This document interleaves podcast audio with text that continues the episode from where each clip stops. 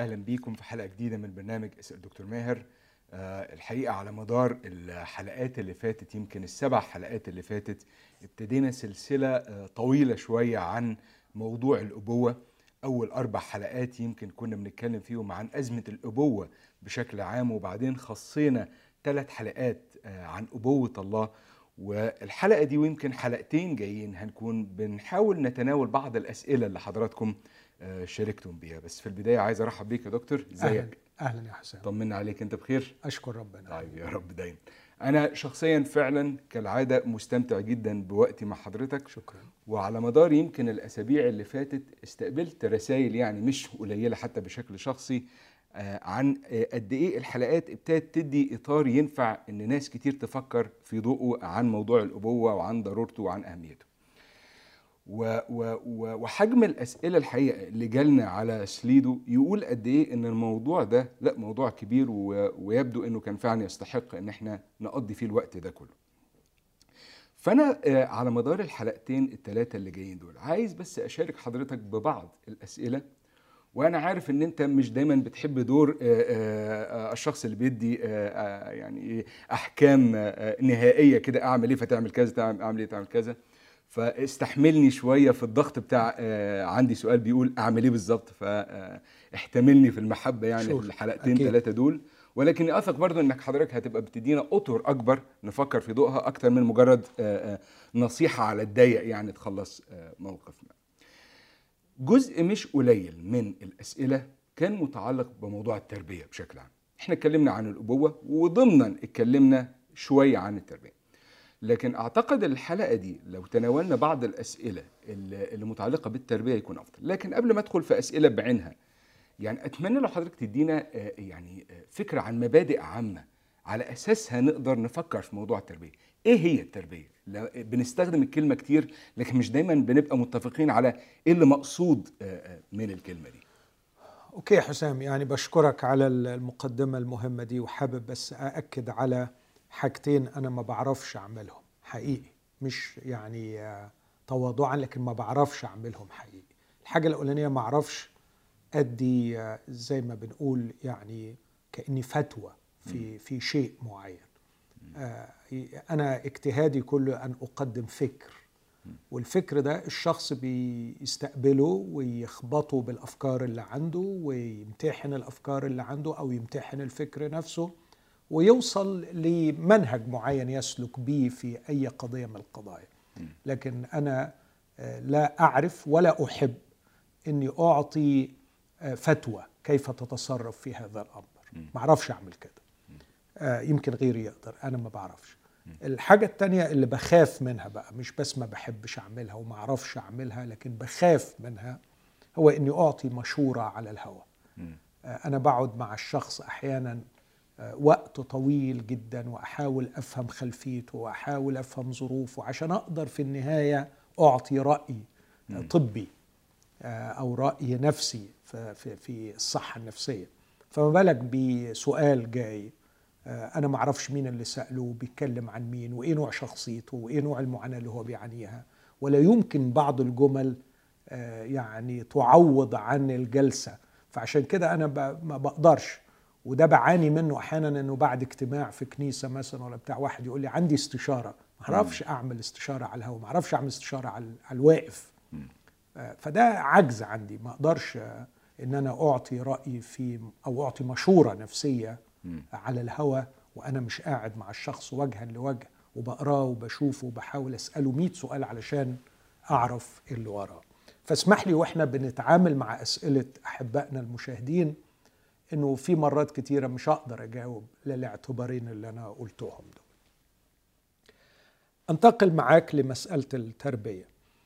أتمنى إن كلمة التربية تبقى كلمة محببة آه، لنفس الأب ومحببة لنفس الأولاد إذا اتفهمت بشكل صحيح. فالتربية هي مجال ترجمة الأبوة. آه، التربية ليست عقاب. للأسف الشديد في اللغة العامية عندنا ربي الولد يعني عاقبه يعني آه، أدبه بمعنى آه، خليك شديد عليه. لكن التربية طبقا للمفهوم العلمي وطبقا للمفهوم الكتابي أيضا. آه، جاءت في أفسس ستة مثلا أيها الآباء لا تغيظوا أولادكم بل ربوهم بتأديب الرب وإنذاره. ربوهم هنا الكلمة الإنجليزية الأقرب ليها nourishment تغذية تنمية تهذيب وتدريب وتعليم وتنشئة. آه، هي نفسها الكلمة اللي جت في أفسس خمسة وهي ما جاتش في كل العهد الجديد إلا مرتين لا يهمل أحد قط جسده بل يقوت ويربيه. وهنا جاية يقوت هي الكلمة مترجمة يقوت. فأنت تقوت طفلك نفسيا واخلاقيا واجتماعيا أنت تغذيه أنت تنشئه أنت كنت مسؤولا أن تأتي بهذا الطفل إلى الوجود فكن رجلا وتحمل مسؤوليتك إلى النهاية.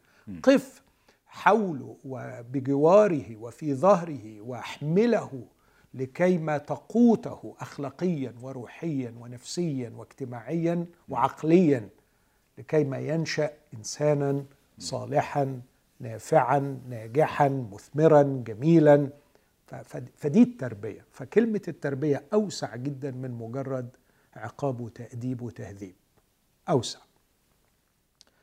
لو حبيت يعني أخدها آه، أكتر ممكن أتكلم عن ضرورتها وأقدر أقول وملامحها.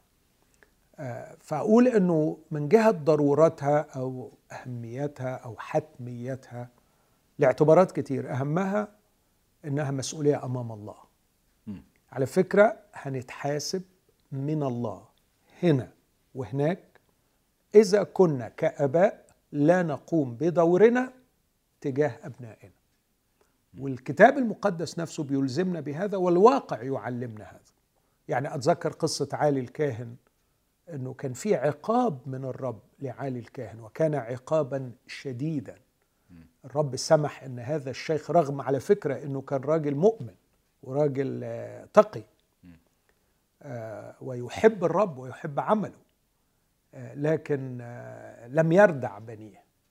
أو بلغة الرب اسمع ال ال ال الآية دي إحنا كلنا حافظين الآية بتاعت حاشا لي إني أكرم الذين يكرمونني والذين يحتقرونني يصغرون. كلنا حافظين الآية دي بس مش مش واخدين بالنا من القرينة اللي جت فيها. السياق بتاع الآية دي.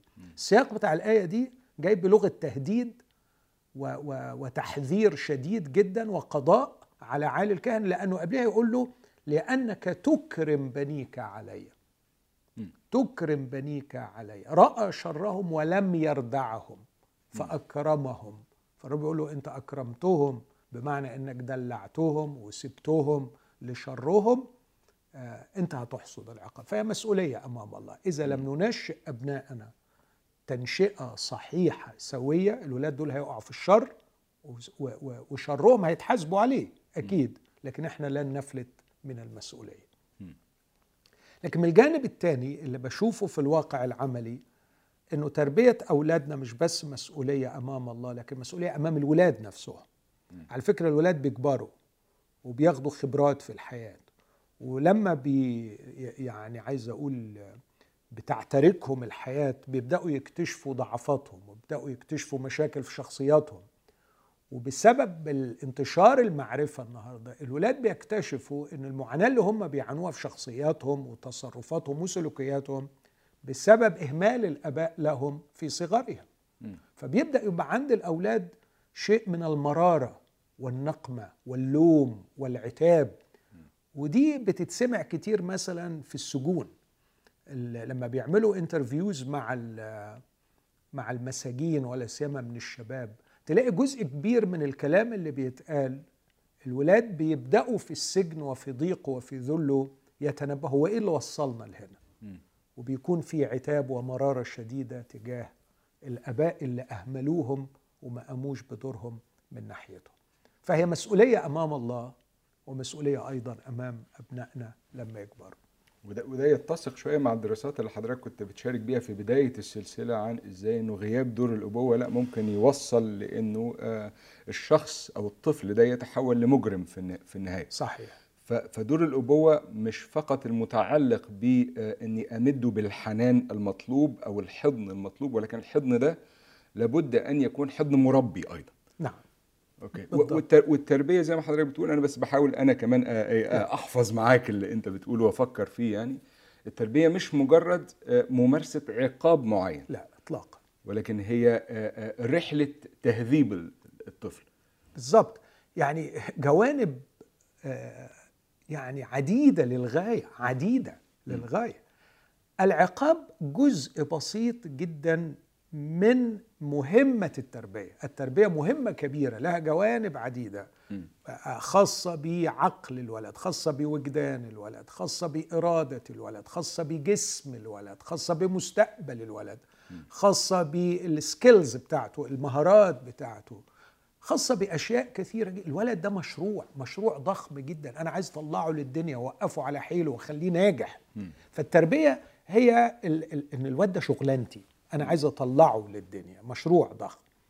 أح في خلال هذا المشروع قد أحتاج إلى العقاب كأداة مساعدة في التربية وليس غرض في حد ذاته.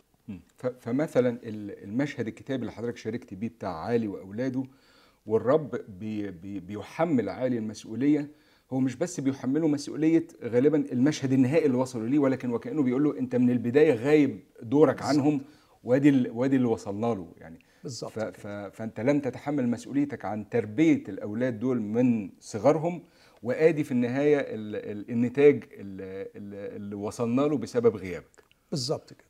أوكي.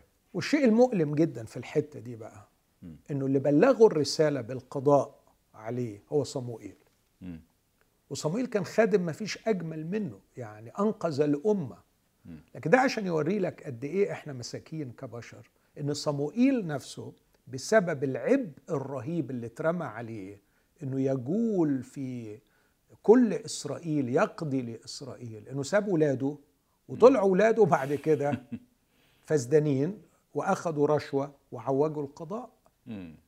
فبرضه آه، يعني عايز أقول خطورة الأمر ومش لأنك صموئيل فهذا سيشفع لك وربنا هيربي ولادك بالنيابة عنك. يعني مش لأنك خادم جميل ولا شخص آه، مخلص ومعطاء ومكافح. ربنا هيقوم بتربية العيال بالنيابة عنك. أنت لازم تتحمل دورك وإذا لم تتحمل دورك محدش هيقوم بيه. وهنا كمان بقى خطورة مرعبة أخرى في البيئة العربية. آه، هو شعور معرفش جاي منين وهو شعور خاطئ آه، أو إذا كان تفكير فهو تفكير غبي. أن تربية الأولاد مسؤولية الأم. الأم دي شغلتها تربي الولاد أنا شغلتي أجيب الفلوس. الحقيقة يعني بحثت كثيرا في كلمة الآباء وجدت أكيد بتشير إلى الأب والأم لكن في معظم الأحيان بتشير إلى الآباء الرجال. بصفة خاصة. الأب الرجل مسؤول في البيت قبل الأم عن تربية الأولاد. وأؤكد على هذا.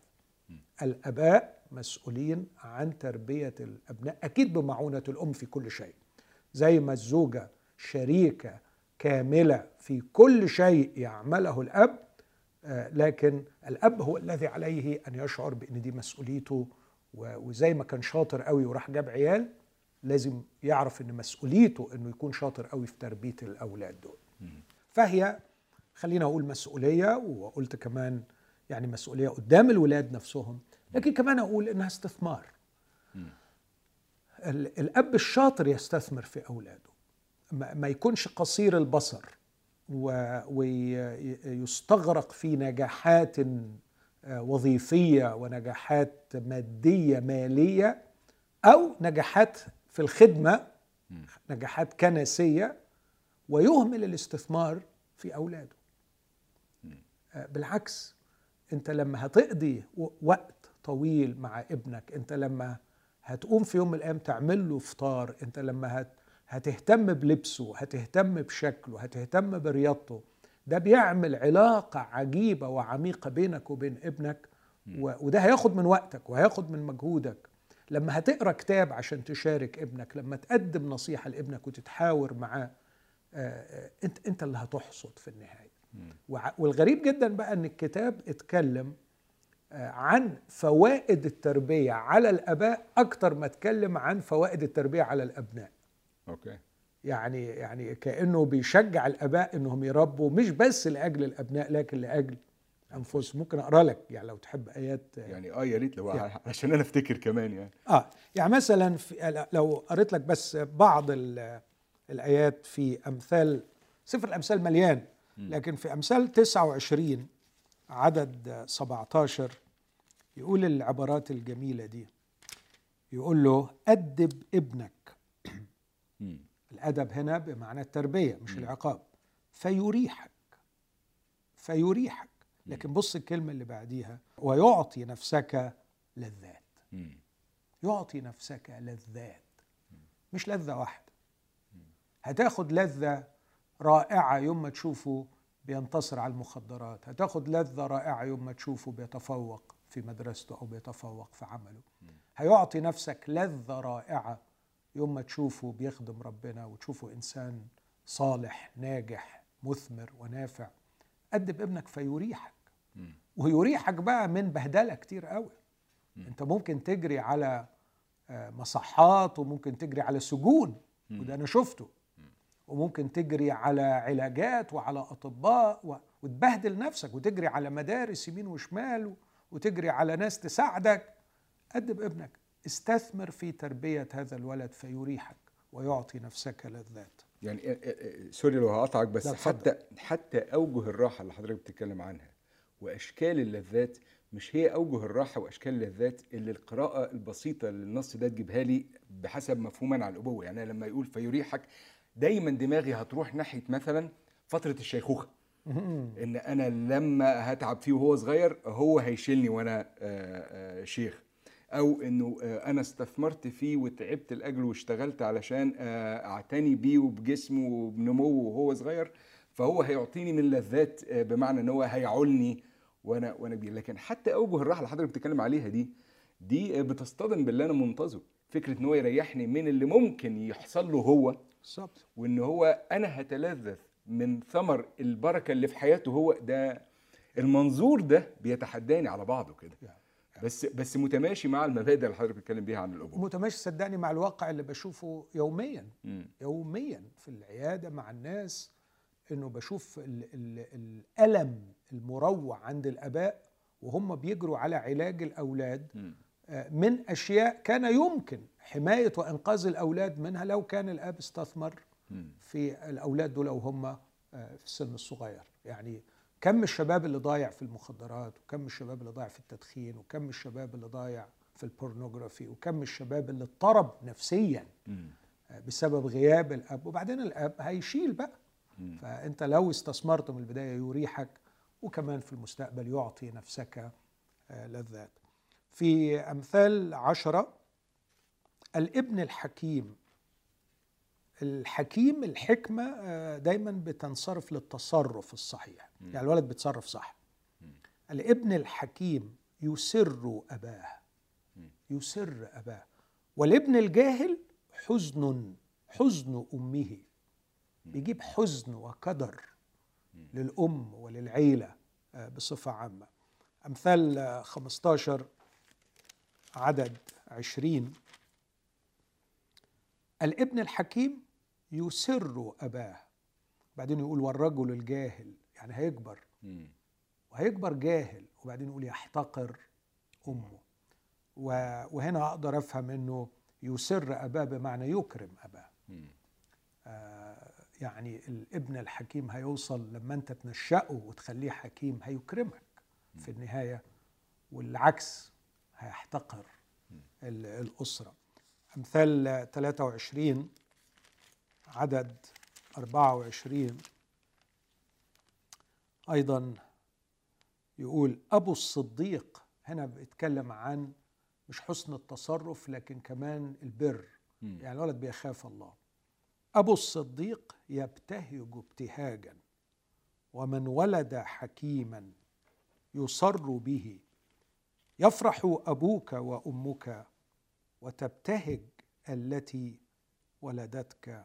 يا ابني أعطني قلبك ولتلاحظ عيناك طرقي. كأن الرب هنا بيقول على فكرة أنا لما بقول للابن أعطني قلبك وتلاحظ عيناك طرقي هذه الدعوة التي أدعو بها الولد أن يعطيني قلبه لابد أن تكون تهيأ لها بتربية من الأب والأم. يعني لما الأب والأم يعملوا شغلهم ويعملوا الواجب بتاعهم تجاه آه، ابنهم فيبقى صديق ويبقى حكيم ومفرح أبوه وأمه. آه، ستجد الدعوة مكانا في قلبه فيجي الرب ويدعو فحط دعوة الرب للولد بعد ما يكون الأباء عملوا شغلهم من جهة التربية بتاعته وآخر آية أقراها برضو في سفر الأمثال 27 وعدد 11 برضو كلمة رائعة يا ابني كن حكيما وفرح قلبي. كن حكيما وفرح قلبي. ياما أباء بيناموا بالليل دموعهم على خدهم بسبب تصرفات غبية الولاد عملوها. ياما أباء شفتهم مكسورين بيجوا يتعالجوا نفسيا. لأن ابنه قام كسر البيت كله ولا ابنه شتمه قدام الناس ولا ابنه راح صرف الفلوس في حاجة غبية. فبيقول له يا ابني كن حكيما وفرح قلبي فأجيب من يعيرني كلمة مم. يعني انت جبت لي جبت لي العار وجبت لي التعيير من الناس. وعلى فكرة ال... الأب اللي بينكسر بسبب أولاده آه يعني اقسى من أي انكسار آخر يعني لو الأب انكسر بسبب مثلا إنه تساب شغله ولا خسر فلوسه ولا جاله مرض أنا شفت نوعية الانكسار ده. غير خالص الأب اللي مكسور إن ابنه طالع آه، غبي وشرير وفسدان. ف... ف يعني ده اللي يخلينا أقول إن عملية التربية مش بس مسؤولية لكن استثمار. لكن كمان أضيف وأقول وعملية التربية علم. مم. وما فيش حد ما عندوش علم من جهة التربية. فكل واحد جاب العلم بس في بقى اللي جابه من خالته ولا من جدته ولا من صاحبه ولا من القهوة أو جايب علم من مكان صحيح. فمحدش فينا بيشتغل مع عياله في التربية بدون علم. فلابد أن نمتحن ما عندنا من معلومات لابد أن نسأل لابد أن نستفسر لابد أن نقرأ. والنهاردة مصادر المعرفة متاحة للناس أكثر جدا من آه، الأجيال الماضية. يعني الأجيال الماضية أيام أبي أنا وأمي كانش عندهم القنوات المسيحية اللي كتير من برامجها على فكرة عن تربية الأولاد وياما برامج بتشجع وبتنصح وبتقدم. أكيد فيها حاجات صح حاجات مش صح لكن في في معلومات كثيرة مقدمة على الإنترنت اللي عايز اللي عايز يذاكر وعايز يجتهد. لكن لابد أن نعلم أن تربية الأولاد علم. ودايما كنت أقول العيل ما بيجيش ومعاه الكتالوج بتاعه يعني إزاي هتشغله؟ أنت محتاج تدرس ومحتاج تقرأ في مجالات مختلفة لتربية هذا الولد. وإذا ما قريتش ده مش معناه ان ما عندكش علم. عندك علم مأخوذ من مصادر خاطئة. هو هو ال- الغريب في في ال- بالذات في النقطة دي يا دكتور إنه أغلبنا بيبقى مهتم في مجال شغله إنه يبقى بيدرس كويس قوي ويبقى مجتهد جدا في انه هو يعمل اللي مطلوب منه بأفضل شكل ممكن وبيبقى آه، منتظر من نفسه إن هو يتطور ويتقدم للأمام. لما بتيجي عند التربية فعلا بنراهن على الفطرة بنراهن على إن أكيد زي ما أهالينا ودي الكلمة الشائعة زي ما أهالينا ربونا من غير ما يكونوا محتاجين يتعلموا ويقروا و و و آه، فإحنا هنعرف نربي. اصحح حتتين هنا حسام لو تسمح لي. مم. الفطرة دي ما فيش حاجة اسمها فطره مفيش حاجة اسمها اربي بالفطره انت بتربي بعلم موروث. فهي مش فطره هو علم برضه بس علم موروث. والعلم الموروث ده ممكن يكون مصيبة سودة. مم. اللي هو مثلا إنه ال- الأم هتربيه. أو أنا ماليش مسؤولية. فأسيب الولد للمدرسة أسيبه للشارع أسيبه للأقرباء أسيبه للأصحاب في النادي. فالعلم اللي عندي بيستبعدني أساسا من المشروع. بالظبط. فدي دي كارثة. وبعدين آه، زي ما أهالينا ربونا. طب ما أهالينا ربونا بناء على معلومات برضه هم وارثينها. فلابد من إنه الأب الشاعر بالمسؤولية يقف ويسائل نفسه. أنا عايز إيه من الولد ده؟ أنا إيه اللي عايزه من الولد؟ ودي ممكن نبقى نجيلها في نقطة تاني لكن كمان أقول في الآخر يعني مش بس إنه علم وأكيد العلم يتبعه عمل إنك تعمل بما تعلم. زي ما قال الرب يسوع إن علمتم هذا فطوباكم إن عملتموه. لكن أقول كمان في الآخر إنه هذه التربية إذا تأخرت لسن متقدمة مع الولد آه، بتبقى صعبة جدا جدا جدا. فهي ضرورة حتمية في الصغر. يعني لابد إنك تبدأ مبكرا جدا جدا.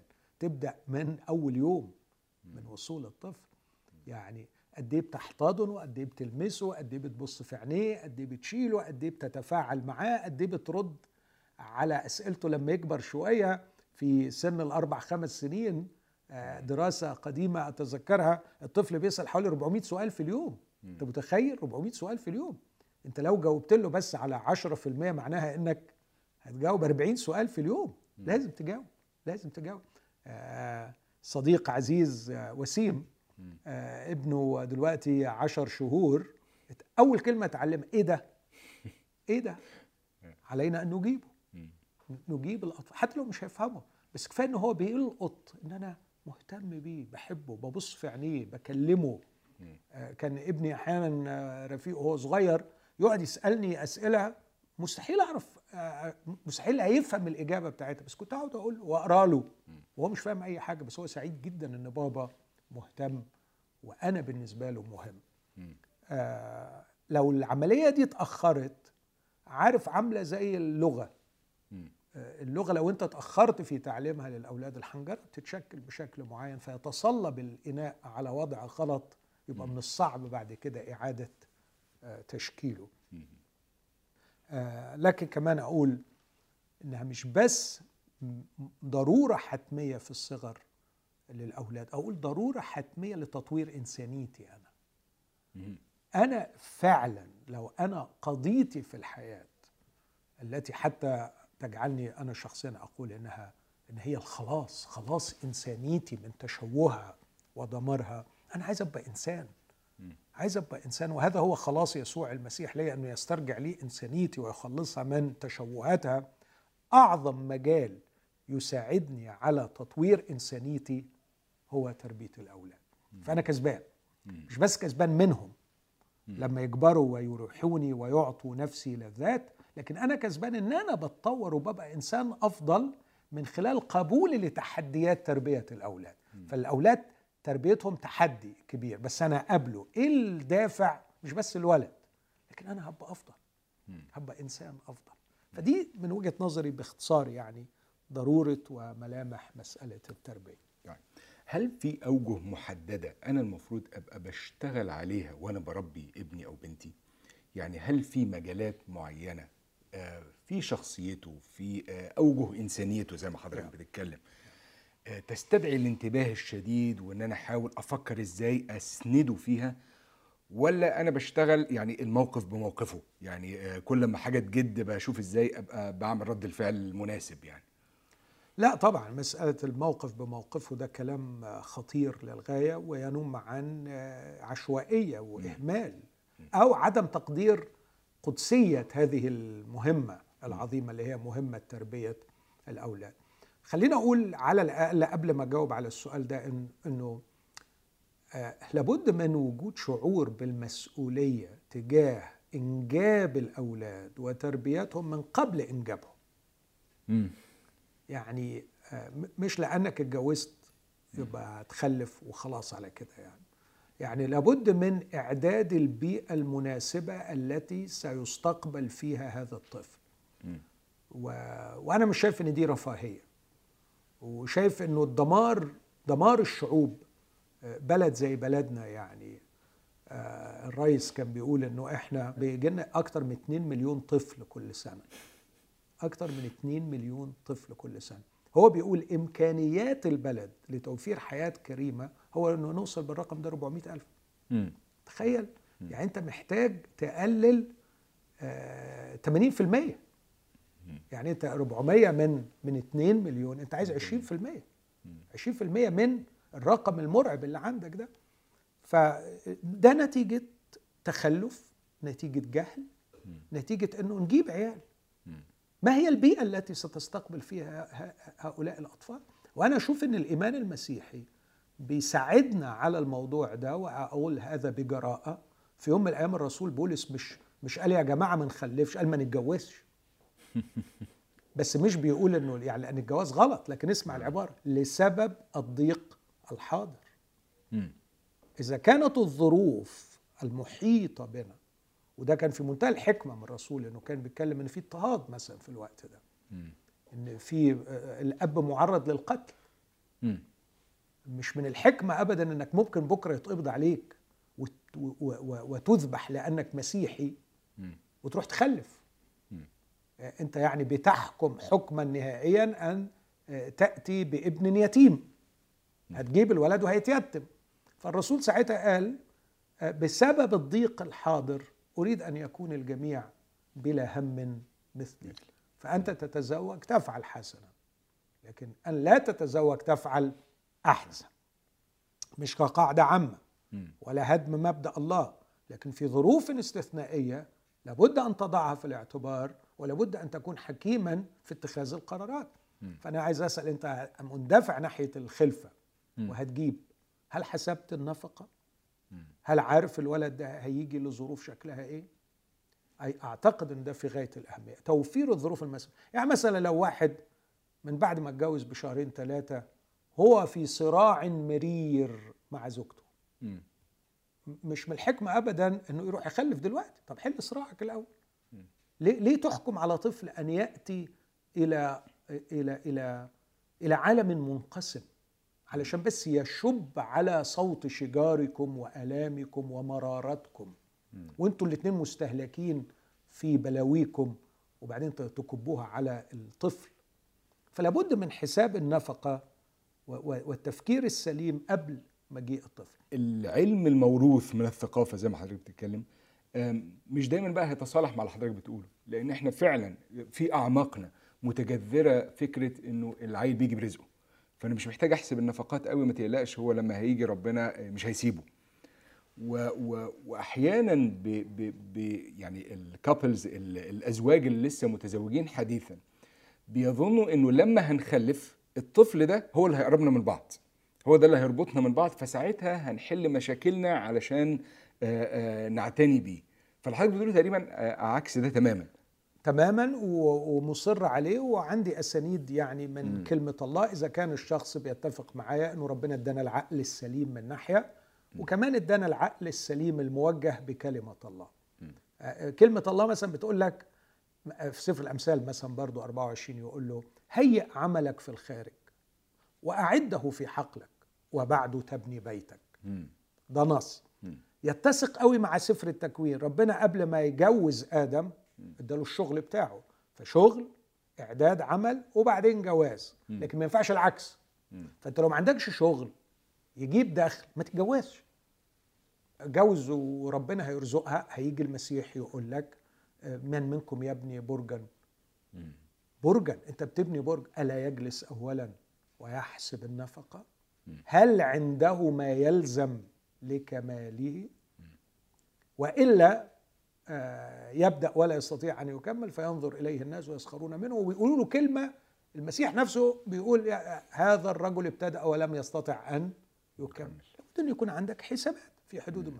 أنا عارف إنه طبعا إحنا ما نعرفش المستقبل كله. لكن بيبقى في في حدود المعقول في حدود المعروف. والنقطة الثانية بقى فكرة إنه ال- الولد هيجي وهيجيب معاه رزقه ده مش ثقافة مسيحية. اللي إحنا بنقوله ده. لكن لابد من آه، تقدير الكلفة لتربية الأطفال. ولا سيما في زمن معقد كزماننا مم. آه، بعد ما لو إحنا قلنا إنه في حدود المتوسط والمعقول نقدر آه، ننجب حاليا لابد من تحديد الغرض بقى في مسألة التربية. وتحديد الغرض إنه هنربي الولد ده ليكون في النهاية إنسانا جميلا نافعا. لنفسه ونافعا للآخرين مم. يعني مش الغرض هو إنه ماما عمالة تزن عليا ولا حماتي بتزن عليا وبتقول لي ما خلفتيش ليه. آه، فمش بنخلف علشان روحنا.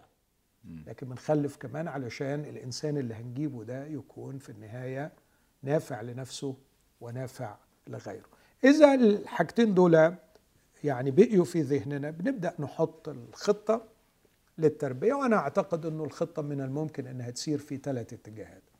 اتجاهات الوجدان بتاع الطفل واتجاهات إرادة الطفل وسلوكياته واتجاه عقل الطفل وتفكيره. وجدانه وأنا أعتقد أن دي أول حاجة نبدأ بيها ومهمة قوي تبقى قدامنا من الشهور الأولى للطفل اللي هو كيف يشعر هذا الطفل بأنه آمن. كيف يشعر بأن احتياجاته ملباة؟ أنه لن يكون في هذه الدنيا وحيدا متروكا مهملا. آه، كيف بيقال آه، في واحدة من الدراسات أنه حدقة عين الطفل اتساعها يعتمد على مدى سرور الأم باستقباله. واو. فكل ما كانت الأم مقبلة عليه بفرح أو الأب مقبل عليه بفرح هذا يشكل شيء في وجدان الطفل آه، يرسل له رسالة لأعماقه أنه مرغوب ومحبوب ومقبول. وجدان الطفل مهمة قوي أن أنا أعمل البوند بيني وبينه مع تقدم عمره الرابطة الشديدة اللي تبقى بيني وبينه. بعد كده بدخل أكتر على مسألة إرادة الطفل ودي حقيقة هتواجهنا آه، إن شئنا أم أبينا أن الطفل يتميز بثلاث حاجات لازم هنشوفهم في مرحلة معينة العناد والتمرد والأنانية. صحيح. آه، فدول لازم هتشوفهم وهتوجههم في طفلك. والثلاث حاجات دول مرتبطين بإرادة الولد. عناد تمرد أنانية إنه آه، بيدور حول نفسه اللي بنسميها السيلف سنتردنس دي أساسية في الأطفال. التمركز آه. حول الذات. التمركز حول الذات. والعناد والتمرد فبيقول لا. ودي ليها بعض الجوانب الإيجابية بس مش وقت أقعد أشرح فيها علشان يكون شخصية قادرة على الاستقلال وتحمل مسؤوليته محتاج إن هو يبقى بيعرف يقول لأ. بس طبعا بجهل الطفولة بيقول لأ على الحلو والوحش. آه فمهم قوي إنك تتعامل مع الإرادة دي مش تكسرها لكن م. توجهها. إزاي تعرف توجه الإرادة دي؟ إزاي تخليه يكون عادات جيدة؟ إزاي توجه سلوكياته؟ وأخيرا عقله وأقصد بالعقل كيف ترسل له معتقدات سليمة صحيحة تكون حضرتك تعبت وفحصتها قبل ما توصلها له. وكمان إزاي تعلمه هو أن ينتقد ما يؤمن به فيفكر فيما يفكر فيه.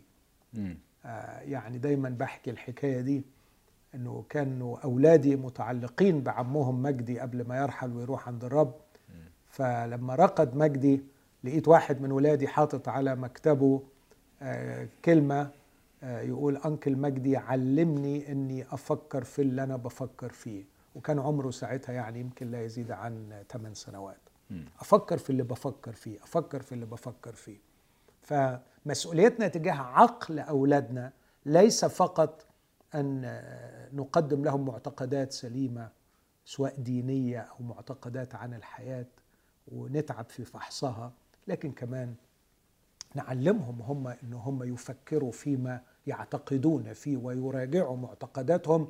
ودي حاجة يعني حتى الرئيس سيادة الرئيس نادى بيها إنك إزاي تتعلم إنك تفكر في معتقدك وفيما تؤمن به.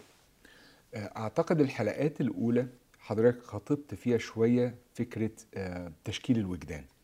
لكن موضوع تشكيل الإرادة أو ما يتعلق بالوجه ده من إنسانية الطفل يعني تقصد إيه؟ إزاي أخليه يعرف ينطلق من فكرة تمركزه حوالين ذاته من فكرة التمرد والعناد والأنانية دي. هل تاني برضو دي ببقى مثلا لما بشوفه بيعمل حاجة آه، فيها موقف أناني فبقعد معاه ولا في مبادرات أنا محتاج أبقى منتبه ليها أو آه، حقول محتاج أدربه فيها أنشط فيها حرية الإرادة في الاتجاه السليم يعني؟ في تربية ابني أنا بفكر فيه من الناحية الروحية بفكر فيه من الناحية الأخلاقية بفكر فيه من الناحية الاجتماعية. في الثلاث حقول الكبار دول ممكن نبقى نتكلم فيهم. في كل حقل من دول هتلاقي الإرادة آه، في غاية الأهمية. ولا حقل من دول الولد هينمو فيه روحيا أخلاقيا اجتماعيا إلا إذا كانت الإرادة بتاعته آه، سليمة.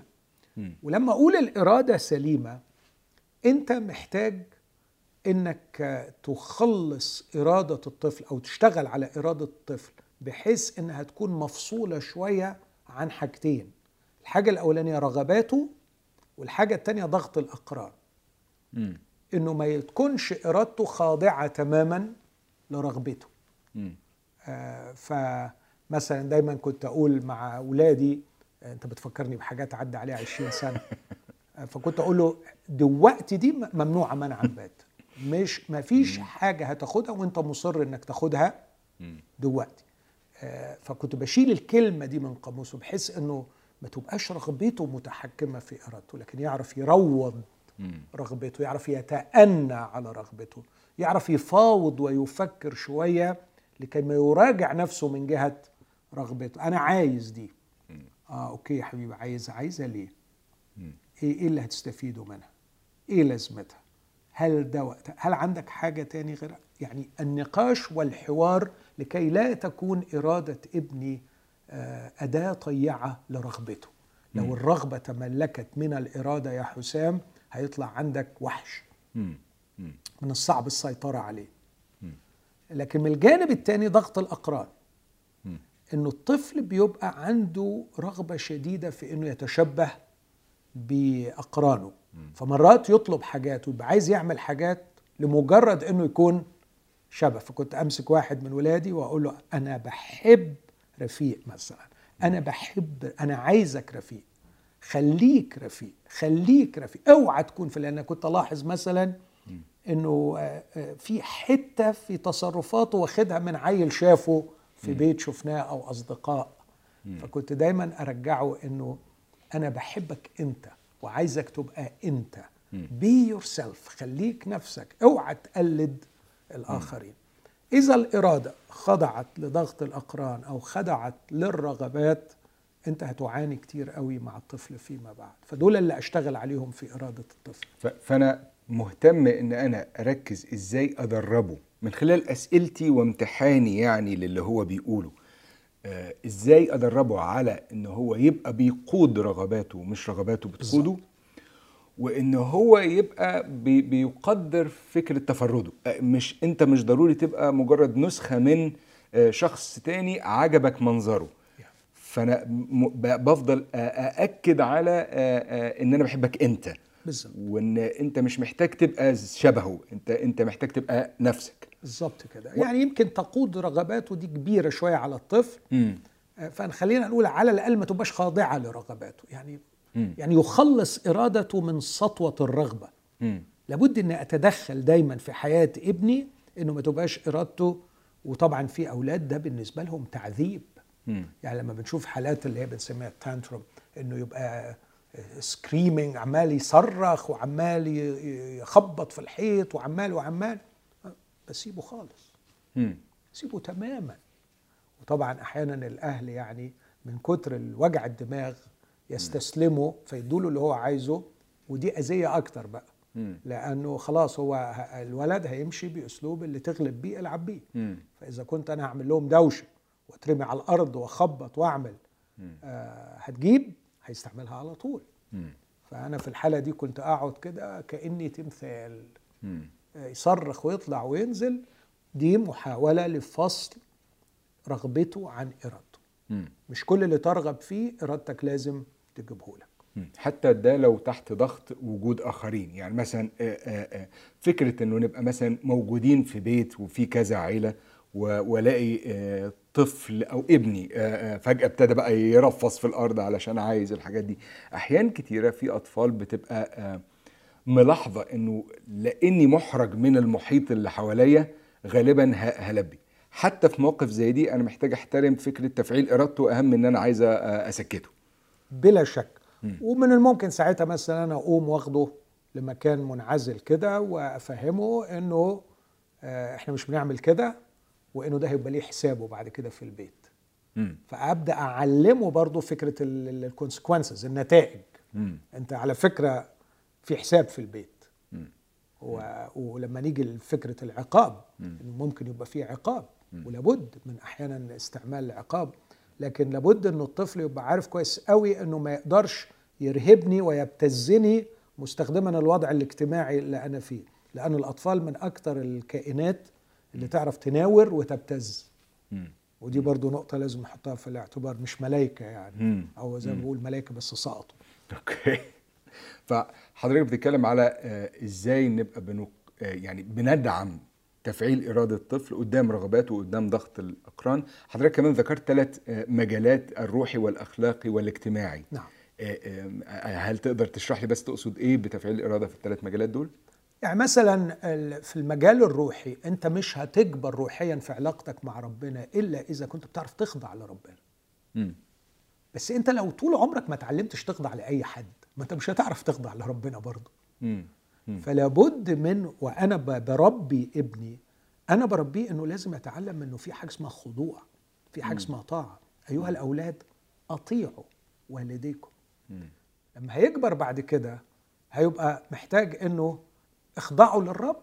خاضعين بعضكم لبعض في خوف الله. الرب اخضعوا لله. قاوموا إبليس فيهرب منكم. فلا بد من إنه يتعلم ويتدرب على الخضوع والطاعة والخضوع والطاعة هو آه، يعني عايز أقول آه، آه، استسلام الإرادة لإرادة أقوى منه اللي هي إرادتي أنا وأمه مم. في البيت. فروحيا لما بدرب الإرادة على الخضوع وعلى الطاعة وإنه لازم يسلم لإرادة أخرى ده بيساعده في بعد كده مجال علاقته. طبعا إزاي بقى يعني أنمي عنده الحتة دي من الناحية الروحية. بحب أستعمل التعبيرين أقول آه، آه، الانبهار والهيبة. آه، عشان يقدر يخضع للرب أنا محتاج أكون بخليه ينبهر بالرب.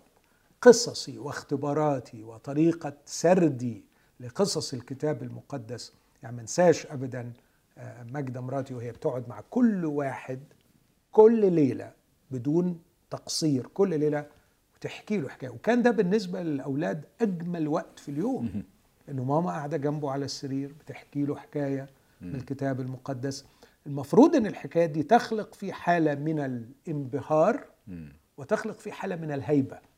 مم. آه، لما يبقى فيه هيبة وانبهار بالله هيبقى سهل عليه إنه يخضع ارادته لله. مع من الناحية الثانية أنا بعلمه عمليا على أرض الواقع إنه إرادته تستسلم لإرادة شخص آخر موجود أكبر منه. هل ده معناه إن نفس الأساسين دول هم آه، أساس حصولي على خضوعي؟ يعني أنا كأب محتاج برضو أبقى لحد ما آه، مبهر لابني وليا مهابتي في عينيه؟ لأن برضو كلمة إن أنا أدربه على الخضوع عادة بتترجم في أذهاننا لأن أنا أكسره. يعني لأن أنا إيه آه، أعرفه حجمه يعني. فهل أنا المفروض يبقى هو ده اللي أنا بعمله؟ إن أنا آه وكأنه بقربه مني للدرجه اللي فيها هيبقى شايفني كبير. و- وكبير دي بالنسبة له حاجة حلوة مش حاجة السؤال ده في غاية الأهمية. أولا مش مصلحتك أبدا تكسر إرادة ابنك. مم. لو ابنك طلع للدنيا بإرادة مكسورة على فكرة في مليون حاجة سيئة هتستغل هذا الكائن لصاحب الإرادة المكسورة. اللي عمره ما هيعرف يقاوم ويقول لأ. فأنت آه أنت كسرت إرادته اتبسطت وارتحت. طب ما أنت هتروح مع المدرسة مع العيال اللي بيتنمروا بيه مع العيال اللي بيعرضوا عليه السجاير والمخدرات والشر. فأنت أنت أنت عملت كارثة إنك بتطلع ابنك بإرادة مكسورة. من الجانب الثاني بقى ما انساش زمان وأنا كنت لسه اولادي صغيرين وكنت بقرأ كتب كتير كان في كتاب عنوان الكتاب how to be a hero for your child for your son أو your daughter إزاي تبقى hero ال hero هنا بمعنى الإبهار والمهابة. ال- إزاي اللي اتكلمنا عنه كتير في الحلقات لما كنت بقول هذا المزيج من الحنان والصرامة. آه إزاي الولد يبقى منبهر ببابا؟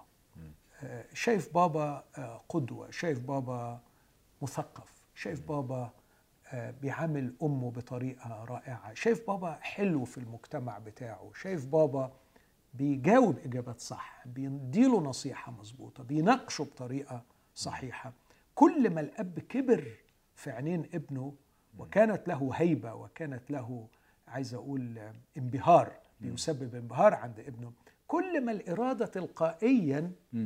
آه، يعني يعني أنا أتذكر إنه كنت أحيانا بروح بقى بحاول أعدل الكفة دي إنه كنت أقول لاولادي آه، على فكرة ممكن ما يكونش رأيي صح إنه نو نو يا بابا أكيد أنت رأيك لا يا حبيبي على فكرة أنا ممكن أكون ما ما, ما قريتش كويس فأنت لازم أنت كمان ت- يعني كنت بخاف في الآخر من كتر الطاعة.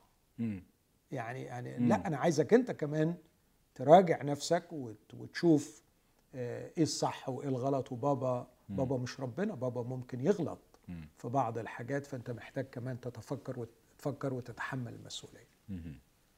طيب وحضرتك قلت آه، في مجالين تاني البعد الاجتماعي والبعد الأخلاقي. آه يعني يعني في البعد ال- الاجتماعي مثلا أو أو خلينا أقول البعد الأخلاقي آه، في غاية الأهمية إنه يتنازل عن رغبته وتخضع إرادته لبعد إن أنت مش عايش في البيت ده بطولك وإن اللي في البيت دول مش خدامين حضرتك.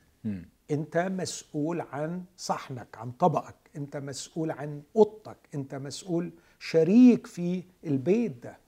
وشريك أيضا في نفقات البيت ده. آه صحيح انت مش بتسهم في النفقات لكن تقلل من نفقاتك لأنه البيت ده مش مش بتاعك انت بس وال والفلوس دي مش بتاعتك انت بس. فتدريبه على الجانب الأخلاقي اللي فيه تحمل المسؤولية الاجتماعية تجاه الباقيين آه، تدريبه على الإيثار. رقي الشعوب يقال كده طبقا ل اي ثينك مونتسكيو يقول رقي الشعوب وتحضرها يقاس بحجم انتشار فضيلة الإيثار. اللي هو أبو السياسة في العالم الراجل ده يعني يع- يعني إيه إيثار؟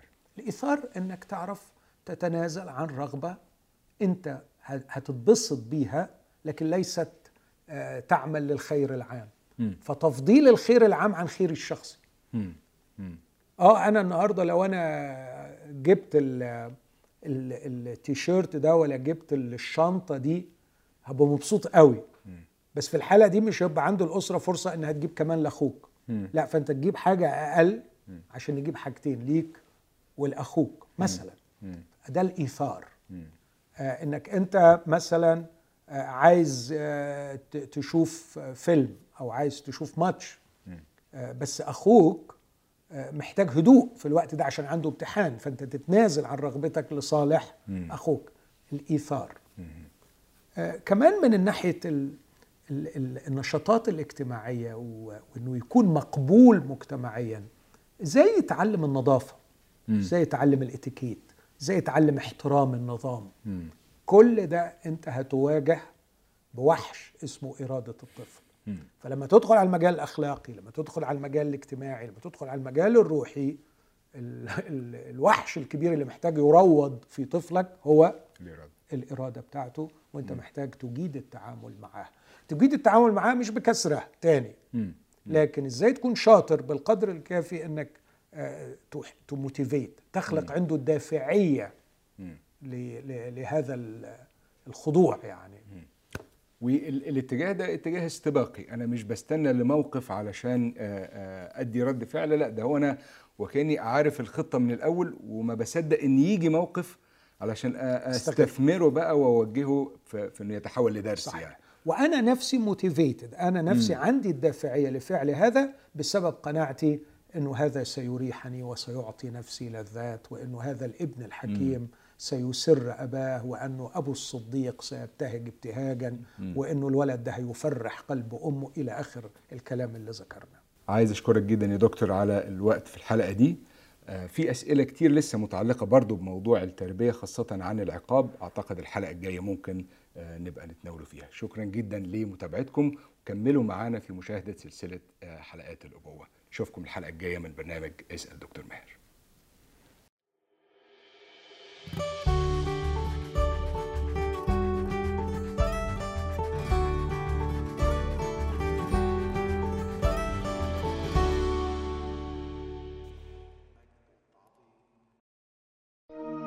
لمشاهدة المزيد من الحلقات زوروا سات 7 بلاس.